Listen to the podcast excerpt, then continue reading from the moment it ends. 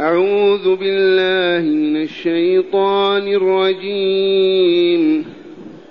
وإذ قال موسى لقومه اذكروا نعمة الله عليكم إذ أنجاكم من آل فرعون يسومونكم يسومونكم سوء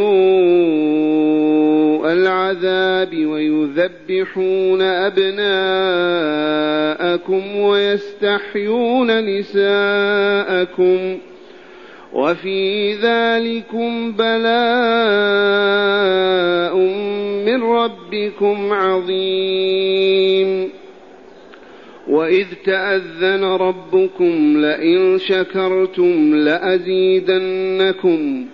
ولئن كفرتم إن عذابي لشديد.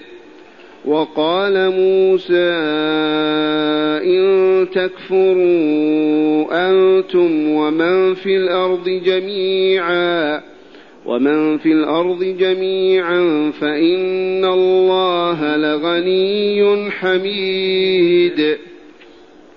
ألم يأتكم نبأ الذين من قبلكم قوم نوح وعاد وثمود والذين من بعدهم لا يعلمهم إلا الله جاءتهم رسلهم بالبينات فردوا أيديهم في أفواههم وقالوا وقالوا إنا كفرنا بما أرسلتم به وإنا وإنا لفي شك مما تدعوننا إليه مريب. أحسنت معاشر المستمعين والمستمعات من المؤمنين والمؤمنات هذا الكلام الذي سمعتم كلام من؟ كلام الله. إذا الله موجود. وهل يعقل وجود كلام بدون متكلم؟ مستحيل. هذا الكلام الذي سمعتم كلام علم وهداية. فهل يقوى على أن يقوله غير الله عز وجل؟ والجواب لا. فها نحن الآن كأننا بين يدي الله. نتدارس كلامه من أجل هدايتنا من أجل إصلاح قلوبنا من أجل إعدادنا لأنفسنا لنسعد في الدنيا والآخرة. قول ربنا وإذ قال موسى أي أذكر يا رسولنا يا نبينا محمد صلى الله عليه وسلم أذكر لقومك العرب المشركين الذين كانوا بمكة.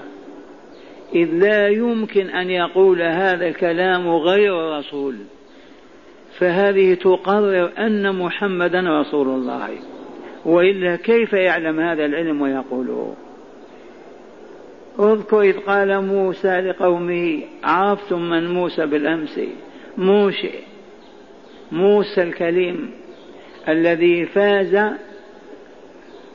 دون سائر الأنبياء إلا خاتمهم بأن تلقى كلام الله وجها لوجه بلا واسطة.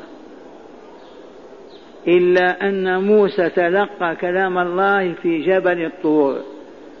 تجلى له رب جل عز وكلمه وأسمع كلامه فقال يا ربي أكلامك أسمع أم كلام غيرك؟ فقال بل كلامي يا موسى. وخاتم الأنبياء وسيدهم نبينا محمد صلى الله عليه وسلم. كلمه الله وجها لوجه مكاشفة في الملكوت الأعلى فوق السماوات السبع. من عداهما ما كلمه الله كلاما يسمع كلامه لا بد من واسطة. جبريل أو غيره. اذكر إذ قال موسى لقوم من قومه بنو إسرائيل؟ من بنو إسرائيل؟ أولاد يعقوب عليه السلام. ويعقوب هو ابن إسحاق وإسحاق ابن إبراهيم. ويعقوب يلقب بإسرائيل أيضا كعبد الله عبد العزيز أو عبد الرحمن. أولاده الذين تفرقوا اثنا عشر ولدا على رأسهم يوسف من ثم كان الأصباط ومن ثم كانت أمة كبيرة. إذا هؤلاء هم بنو أولاد إسرائيل يعقوب بن إسحاق بن إبراهيم. ماذا قال لهم؟ اذكروا نعمة الله عليكم. لتشكروا. اذكروا ما أنعم الله بعليكم إذ كنتم أذلاء مهانين مستعبدين ينكل بكم وتعذبون يذبح أبناؤكم وأنتم تنظرون. ثم أنقذكم الله وأبعدكم من هذا البلاء. اذكروا هذا من أجل أن تقولوا الحمد لله وتطيعوا الله فيما يأمر وفيما ينهى. لهذه الإنعامات والإفضالات الإلهية. هيا نقول لإخواننا المسلمين من أندونيسيا إلى موريتانيا اذكروا نعمة الله عليكم إذ كنتم مستعبدين لبريطانيا مسخرين لإيطاليا مستعمرين لفرنسا لبلجيكا لكذا وكذا. اذكروا نعمة الله عليكم. قولوا الحمد لله الذي نجانا أنقذنا حررنا. واعبدوه كما أمركم أن تعبدوه. ذلكم هو الشكر. ما هو مجرد قول باللسان. إذا اعترفت لي بنعمة عليك يجب أن تحبني أولا وأن تؤثرني عن نفسك ثانيا وأن تطيعني فيما أقول لك وأمر وأنهى ما أحوج أمة الإسلام إلى أن تقول لها هذه الآية الكريمة. اذكروا نعمة الله عليكم إذ أنجاكم من آل فرعون وآل فرعون رجالاته عظماء دولته وكبراهم. إذ أنشاكم من آل فرعون يسومونكم سوء العذاب. أسوأ العذاب يعذبونهم. بأبشع ألوان التعذيب ويذبحون أبناءكم وبالأمس عرفتم سر الذبح ما هو. قال بعض الكهنة وبعض رجال السياسة قالوا لفرعون نخشى أن يزول ملكك وتسقط دولتك على أيدي هذا الشعب لأن لهم أصل ولهم محدد ولهم شرف. يوسف كان يحكم هذه البلاد فهم يتطلعون إلى أن يحكموا إذا حاول أن تتخلص من هذه الفتنة. فماذا نصنع؟ قالوا نذبح الأطفال ونستحي النساء نتركن أحياء للخدمة والعمل وأما الذكور أذبحهم. وفعل. إذا حملت المرأة تسجل في البلدية أنها حبلى وأن ميعادها يوم كذا فإذا دخل شهر الولادة يتردد عليها رجال مختصون بهذا.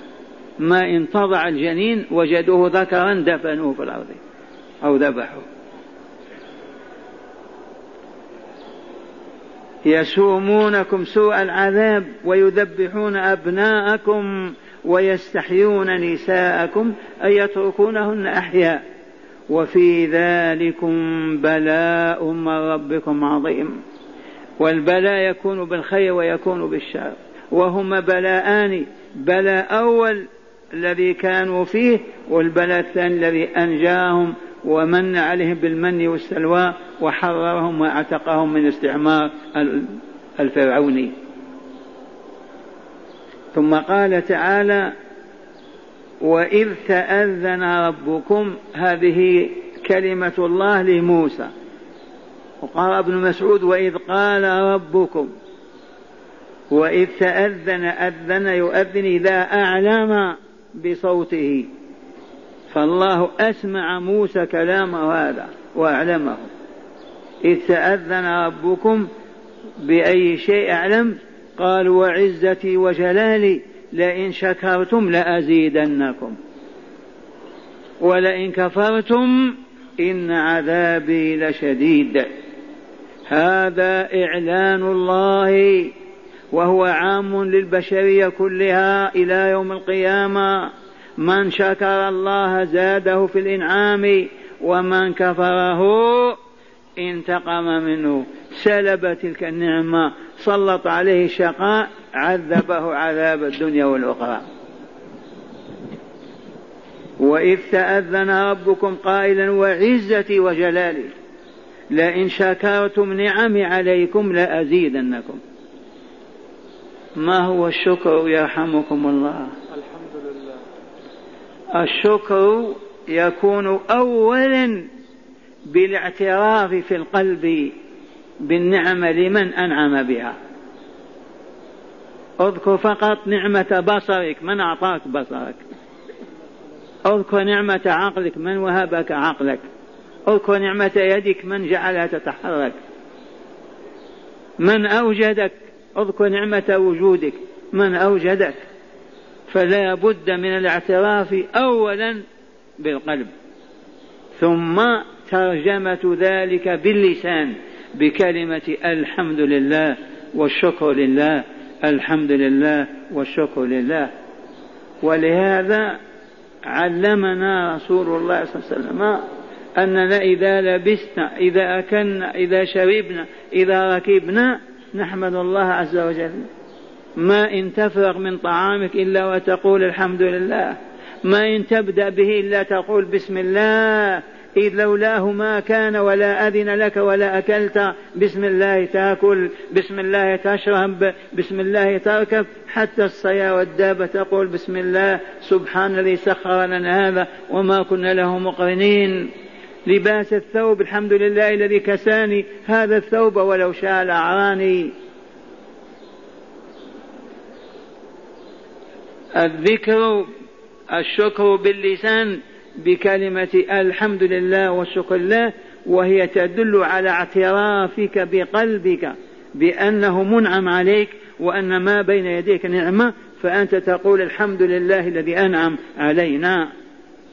ثالثا ثالثا أن تصرف النعمة فيما من أجله أعطاكها الله. أن تصرف النعمة فيما من أجله أنعم الله بها عليك. سئل بعض الصالحين عن الشكر فقال ألا تتقوى بنعمة الله على معصيته. ألا تتقوى بنعمة الله على معصية الله.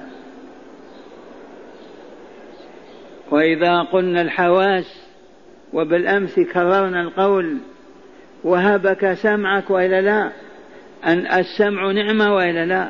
ما تقولون في الأصم الذي لا يسمع؟ ترغبون في هذا؟ هذه النعمة نعمة السمع يجب أن تحمد الله بلسانك بعد أن تعترف بها في قلبك لله عز وجل.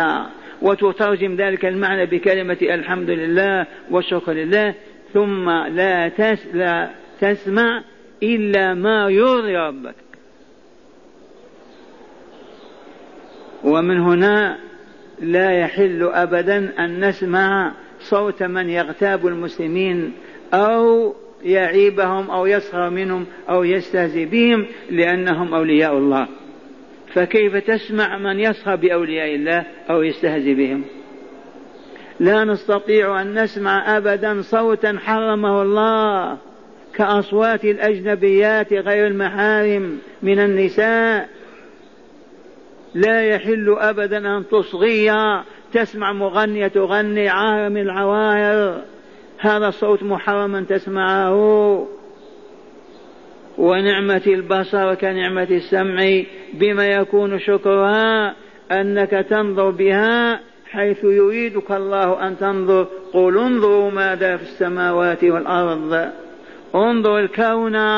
علو وسفليه لتستدل بذلك على عظمة الله وقدرته ووجوب ألوهيته لعباده. انظر حيث تنتفع بالنظر في السماء أو في الأرض انظر في طريقك انظر من ناداك أو دعاك لتقضي حاجتك. أما أن تنظر ما نهاك الله عن النظر إليه فقد عصيته وكفرت النعمة وما عبدت وما شكرت الله عليها. فلهذا غض بصرك عن أية امرأة من النساء ألا يلدن ويحملن. ما زلن صغيرات. اللهم إلا العجائز فقد أذن الله لهن أن يخرجن كاشفات الوجوه والنظر إليهن لا يضر. قل للمؤمنين يغضوا من أبصارهم ويحفظوا فروجهم ذلك أزكى لهم. إذا نعمة اللسان يجب أن تذكر بها الله الرحمن أن تحمده وتمجده وتذكره أن تأمر بها بمعروف أو تنهى عن منكر أن تقضي بها حاجتك. أي ولدي أعطني مان يا أمه كذا تعلم كذا أما أن تقول به الهجر وتنطق بالكفر وتقول الباطل والسوء فهذا كفر لهذه النعمة التي أنعم الله بها عليك. ولو كان الله يواخذنا بالذنب لكنا انقطعت ألسنتنا وعميت أبصارنا وصمت أسماعنا. ولكنه رحمن ورحيم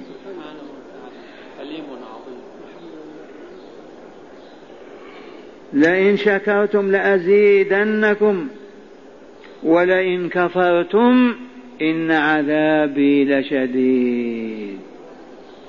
هذا الذي نقوله والناس عنه غافلون. يا إخواننا المسلمين من الشرق إلى الغرب أذكروا نعمة الاستقلال عن الشرق والغرب والتحرر وأصبح الحكم في أيديكم والسلطة بين أيديكم. أذكروا هذه النعمة بقلوبكم واشكروا الله عليها. بطاعته فيما أمركم بفعله فافعلوه وفيما نهاكم عن فعله فاتركوه.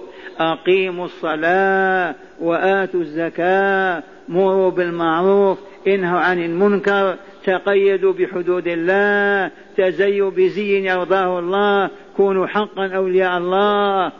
وإلا ما هي الآتية؟ إن عذابي لشديد. فمن المتوقع أن يصاب المسلمون بفتنة عمياء. لا يقادر قدرها ولا يعرف منتهاها. إما بحرب كاملة أو يسلط الله عليهم عدوا كافرا يهينهم ويذلهم ويسلب حريتهم كما فعل في الأول. لأنهم ما شكروا والله ما شكروا. أعرضوا عن كتاب الله سخروا من سنة رسول الله. ما طبقوا شرع الله طبقوا القوانين الوضعية التي وضعها اليهود والنصارى أعداء الله. كأنهم ليسوا بأهل الكتاب ليسوا بأهل القرآن ليسوا بأصحاب محمد صلى الله عليه وسلم. وشاء الله جل جلاله وعظم سلطانه أن يأتي بهذا الرجل الكريم عبد العزيز من آل سعود رحمة الله عليه إلى هذه الديار وكانت قد خمت بالخبث والشر والفساد والظلم والشرك كسائر بلاد العرب والمسلمين. فجاء وإن شئت قل بدوي وما إن أعلن فيها كلمة لا إله إلا الله محمد رسول الله وطبق كتاب الله وسنة رسوله حتى سادها أمن وطهر. والله ما عرفت الدنيا ناظرهما إلا في القرون الذهبية التي أوصى بها رسول الله. خيركم قرني ثم الذين يلون ثم الذين يلون. ما عنده سلاح ولا رجال ولا مال. الآن يحدثك الجندي. كان في الشهر ثلاثة يعطى صاع الشعير. وحقق أمنا وطهن. والله ما وقع في الأرض إلا هنا على عهده. اللهم إلا في القرون الذهبية ثلاثة. كيف تحقق هذا؟ ليعلم المسلمون والكافرون أن لله شرعا قانونا نظاما. إذا طبق بصدق وإخلاص وإيمان. لا بد وأن يتحقق لأهله شيئان الطهر والصفاء الطهر والأمن. عرفتم؟ وهذا فعله الله قبل استقلال المسلمين. ثم بدأت الاستقلالات. استقلت سوريا. كان الواجب وإني لعلى علم بما أقول. وإن كره هذا الكارهون ولا قيمة لما يكرهون. والله الذي لا إله غيره. لكان الواجب الشرعي الرباني الديني لما استقل الإقليم يأتي وفد منهم ويقولون عبد العزيز قد استقل هذا الإقليم. فضمه إلى المملكة. استقل الإقليم الثاني كذلك الثالث الرابع تم الاستقلالات وأمة الإسلام دولة واحدة وأمة واحدة. لعلي واهم أقسم بالله لكان الواجب هذا. استقليتم يا جماعة في كذا في كذا في جزيرة ما دام قد جاء الله جل جلاله وعظم سلطانه بإمام للمسلمين وتحقق على يده الطهر والأمن يجب أن تنضم إليه كل الجماعات الإسلامية. ولكن عموا وأصموا. وما سألوا. كان المفروض استقل الإقليم عرب وعجم يا عبد العزيز أو يا خالد أو يا كذا هذا الإقليم استقل الآن. ماذا نصنع؟ ينصب عليه والي هناك ويبعث رجال الحكم ورجال الشرع ويقننون شرع الله ويطبقونه. هذا ما ترضون به. أو ترضون به ما رضيتم. ما رضي آباؤكم ولا إخوانكم ولا كذا. وماذا نريد من الله إذن؟ ماذا نريد من الله؟ أن يسعدنا ويملأ جيوبنا وقلوبنا بالنور والهداية ونحن معرضون مستكبرون. كأن هذه الآية ما قرأت. وإذ تأذن ربك لئن شكرتم لأزيدنكم. ولئن كفرتم إن عذابي لشديد. والآن معشر السعوديين يا من يسمعون يبلغهم يجب أن تشكروا هذه النعمة فإن أبيتم والله لتسلبن وتتحول البلاد إلى الأمن والخبث والشر والفساد. هذا قانون الله عز وجل. سنن لا تتبدل. ولن تجد لسنة الله تبديلا. ثم قال تعالى وقال موسى من موسى هذا نبي الله وكلمه لمن قال لقومه من هم؟ بنو إسرائيل. ماذا قال لهم؟ اسمعوا. يا قومنا إن تكفروا أنتم ومن في الأرض جميعا. لن يضر هذا شيئا أبدا. إن تكفروا أنتم ومن في الأرض جميعا. فإن الله هو الغني الحميد. ما هو في حاجة إلى إيمانكم ولا إسلامكم ولا عدلكم ولا طهارتكم ولا صفائكم ولا ما هو في حاجة. غني كان ولم تكونوا أنتم. يجب أن نعرف هذا ونطاطع رؤوسنا لله. وقال موسى إن تكفروا أنتم يا بني إسرائيل ومن في الأرض جميعا أبيضهم وأسودهم. ماذا؟ فإن الله لغني حميد غني عن خلقه حميد بأفعاله محمود في الأرض والسماء. ما هو في حاجة إلى إيمانكم وإسلامكم. حتى لا تقول الله مفتقر إلى الإسلام وإلى الإيمان حتى يسلم الناس ويعبدوه. والله ما هو في حاجة إلى هذا. كل ما في الأمر كما علمتم. أوجد عالمين عالما للسعادة وعالما للشقاء. أي الجنة والنار عالم علوي وعالم سفلي. ثم أوجد الدارين وأوجد لهما من يسكنهما. فقط. ثم ربط سكن الجنة بطهارة الروح وزكاة النفس. وربط سكن النار بالشرك والخبث في النفس. ثم وضع أدوات التزكية وحددها وبين كمياتها مقادير أوقاتها التي تزكي النفس وبين كذلك مدسيات النفس ومخبثاتها وحددها وبينها. وأعطاكم الحرية. من شاء فليؤمن ومن شاء فليكفر. فمن آمنوا فزكوا أنفسهم بالإيمان الصحيح والعمل الصالح وطابت أرواحهم. والله ما إن تخرج نفسه حتى تلتحق بالملكوت الأعلى. أقسم بالله. ما زال ساخن ما برد وإن كانت خبيثة فإلى الدركات السفلى والعياذ بالله. إذا وقال موسى إن تكفروا أنتم ومن في الأرض جميعا فإن الله لغني حميد. ما هو في حاجة إليكم؟ قد يمنون إيش هذا الإسلام؟ كيف نعبد؟ كيف نصلي؟ كيف كذا؟ يقولون الآن بألسنتهم؟ كيف كيف كيف؟ هل الله محتاج إليكم إلى عبادتكم؟ غني الغني الحميد. ثم قال تعالى أيضا قل يا موسى ألم يأتكم نبأ الذين من قبلكم؟ ما جاءتكم أخبارهم وأنبأهم العظيمه من هم؟ قوم نوح. كيف حالهم؟ أغرقوا أجمعين.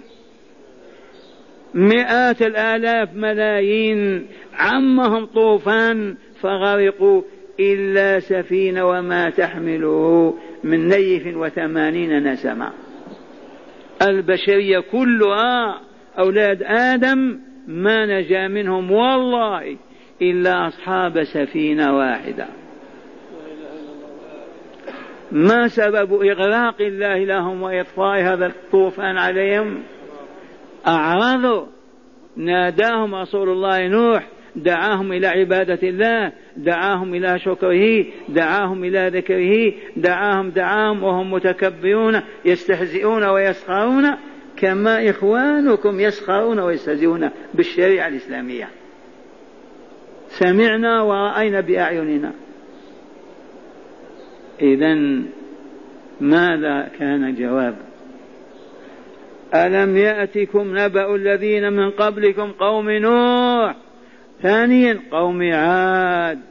أين كان عاد يسكنون؟ في جنوب الجزيرة. في الجنوب حضرموت وما إله إلى حدود العراق.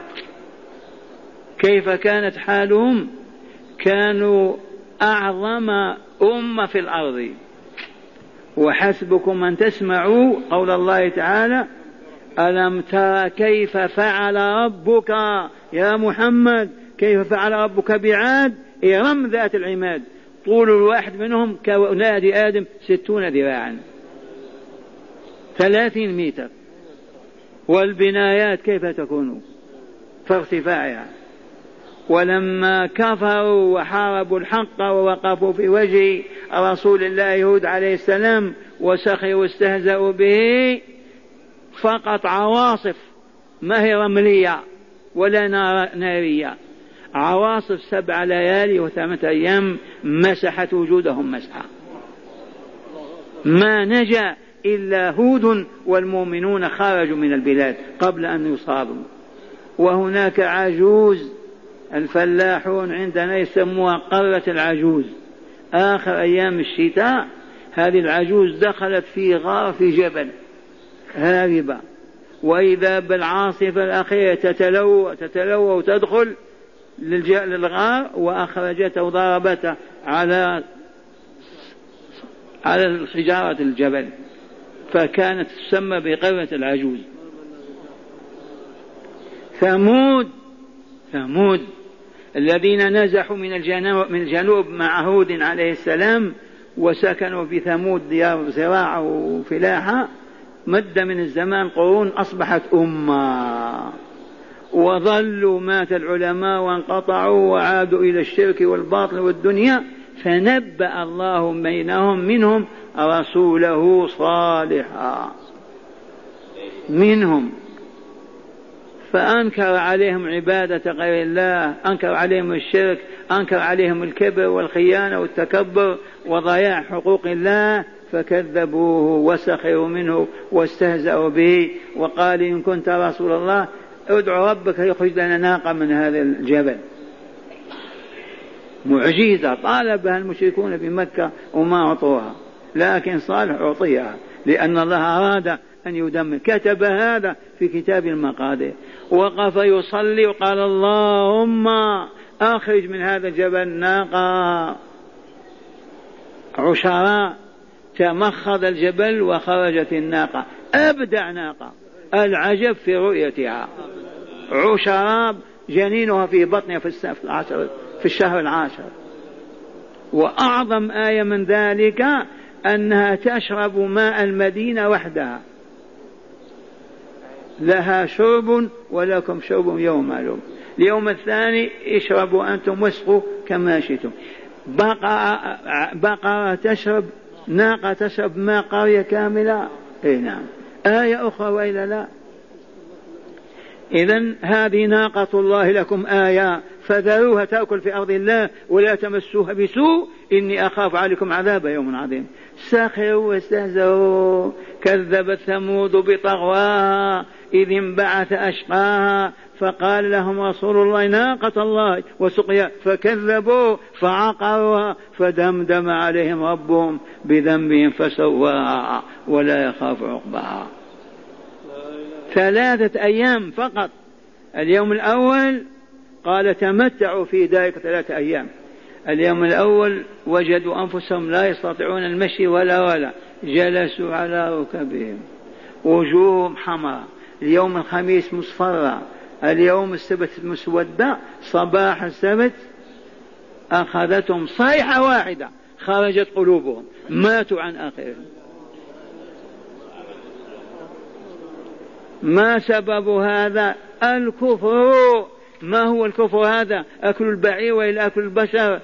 الكفر بشرع الله وبأن يعبد وحده ولا يعبد سواه. فلا تعبد شهوة ولا الدنيا ولا صنم ولا قبر ولا نبي ولا عبد من العبيد ولكن المعبود الحق هو الله جل جلاله وعظم سلطانه. رفضوا فانتقم الله منهم سبع ليال وثمانية أيام حسومة فترى القوم صرعى كأنهم أعجاز نخل خاوية. تعرف النخلة إذا سقطت ميتة طولها وسودادها. هؤلاء قوم صالح. فقال تعالى قوم نوح وعاد وثمود والذين من بعدهم. شعيب أنبياء فرعون لا تسأل. هؤلاء كلهم ماذا قال تعالى عنهم؟ لا يعلمهم إلا الله. نعم أمم ما نزل في القرآن بيانها ولا تفصيلها. نزل البعض فقط. دون هذه الأمم أمم أخرى. هذا تاريخ البشرية آلاف السنين. وأمم أخرى لا يعلمهم إلا الله. جاءتهم رسلهم بالبينات. جاءتهم رسلهم الذين أرسلهم الله إليهم بالبينات والحجج والبراهين على أنهم رسل الله وعلى أن الله أمرهم بكذا ونههم عن كذا وأنه توعد بكذا وواعد بكذا. فرفضوا حتى يبقوا على جرائمهم وفضائعهم من الفساد والشر والعياذ بالله تعالى. إذا فردوا أيديهم في أفواههم. مرة يقولون اسكت لا تتكلم لا نسمع. ردوا أيديهم ما نسمع ما نتكلم.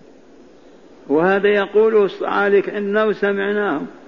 إذا دعوته إلى التوحيد إلى الدعوة السليمة ما يقبل. ردوا أيديهم في أفواههم وقالوا إنا بما أرسلتم به كافرون. حتى يتخلصوا. ما يطيعون ولا يستجيبون ولا يعبدون الله وحده ولا يتخلون عن الشرك والباطل. هذا الكلام كلام من؟ كلام الله. كيف يكفر بالله ويجحد؟ وهذا كلامه. هذا الكلام يدعو إلى الزنا. يدعو إلى الربا إلى الغش والخداع إلى الكذب والباطل إلى الدنيا والشهوات والأطماع أم يدعو إلى الطهر والصفاء والعز والكمال. لما أعرض المسلمون عنه؟ إيه يا شيخ مضت قرون لا يجتمع اثنان ولا ثلاثة عن دراسة آية أبدا. فقط إذا مات الميت يستدعون طلبة القرآن وهم ما حفظوه إلا لهذا الغرض فقط. لا يسألون عن معنى آية ولا ما في مراد الله منها. يجمعونهم ليأكلوا اللحم ويقرأوا القرآن ويعطون فلوسا ثلاث أيام سبع أيام وإن كان الميت غنيا واحد وعشرين يوم. فهمتم؟ وها إلى الآن نقول هل مررتم في ثلاثة رجال تحت شجرة في ظل في بلادكم أو تحت جدار أو في مسجد وقال أحدهم الآخر اقرأ علي شيء من القرآن نتدبر. ما بهم بل قالوا لكم لا تدرسوا القرآن لا تفسروه فإن صوابه خطأ وخطأه كفر. فلم يبق من يقول قال الله. إلى الآن ما زالت بقايا الباطل. واسمعوا مرة ثانية تلاوة الآيات وتأملوا. وإذ قال موسى لقومه اذكروا نعمة الله عليكم إذ أنجاكم من آل فرعون. اذكروا نعمة الله عليكم يا مسلمون. إذا أنجاكم من الاستعمار الغربي بريطانيا وفرنسا وإيطاليا. ألسنا مثل قوم موسى؟ اذكروا نعمة الله عليكم. إذا أنجاكم من آل فرعون يسومونكم سوء العذاب ويذبحون أبناءكم ويستحيون نساءكم وفي ذلكم بلاء من ربكم عظيم. من نجانا من الاستعمار؟ أليس الله؟ كيف نعرض عن ذكره وكتابه؟ كيف يجوز هذا؟ فلنصبر للبلاء. وعما قريب ينزل إلا إذا تداركنا الله بتوبة. إذا تاب المسلمون تاب الله عليهم. وإذ تأذن ربكم أعلن لموسى قائلا وعزتي لأن لئن هذه لم, لم القسم لئن شكرتم لأزيدنكم. أي من النعم. ولئن كفرتم إن عذابي ما قال سلب النعمة فقط منكم سلب النعمة وإنزال البلاء وإن إن عذابي لشديد. وقال موسى لبني إسرائيل اسمعوا إن تكفروا أنتم ومن في الأرض جميعا فإن الله الغني الحميد. ما هو في حاجة إليكم؟ ما هو في حاجة إلى أن نعبد ونصوم ونصلي أبدا؟ هذا يعود عوائده إلينا لا إلى الله فإنه كان ولم نكن معه. ثم قال ألم يأتكم نبأ الذين من قبلكم ماذا أصابهم؟ كيف حلت بهم البلايا والرزايا والهلاك؟ من هؤلاء قوم نوح وعاد وثمود والذين من بعدهم لا يعلمهم إلا الله الكل جاءتهم رسلهم بالبينات جاءتهم رسلهم بالبينات تحملها كتاب كتابه وصحفه. ويقولها رسله فردوا أيديهم في أفواههم. ما نسمع ما تتكلم أبدا. وقالوا إنا كفرنا بما أرسلتم به وإنا لفي شك مما تدعون إليه مريب.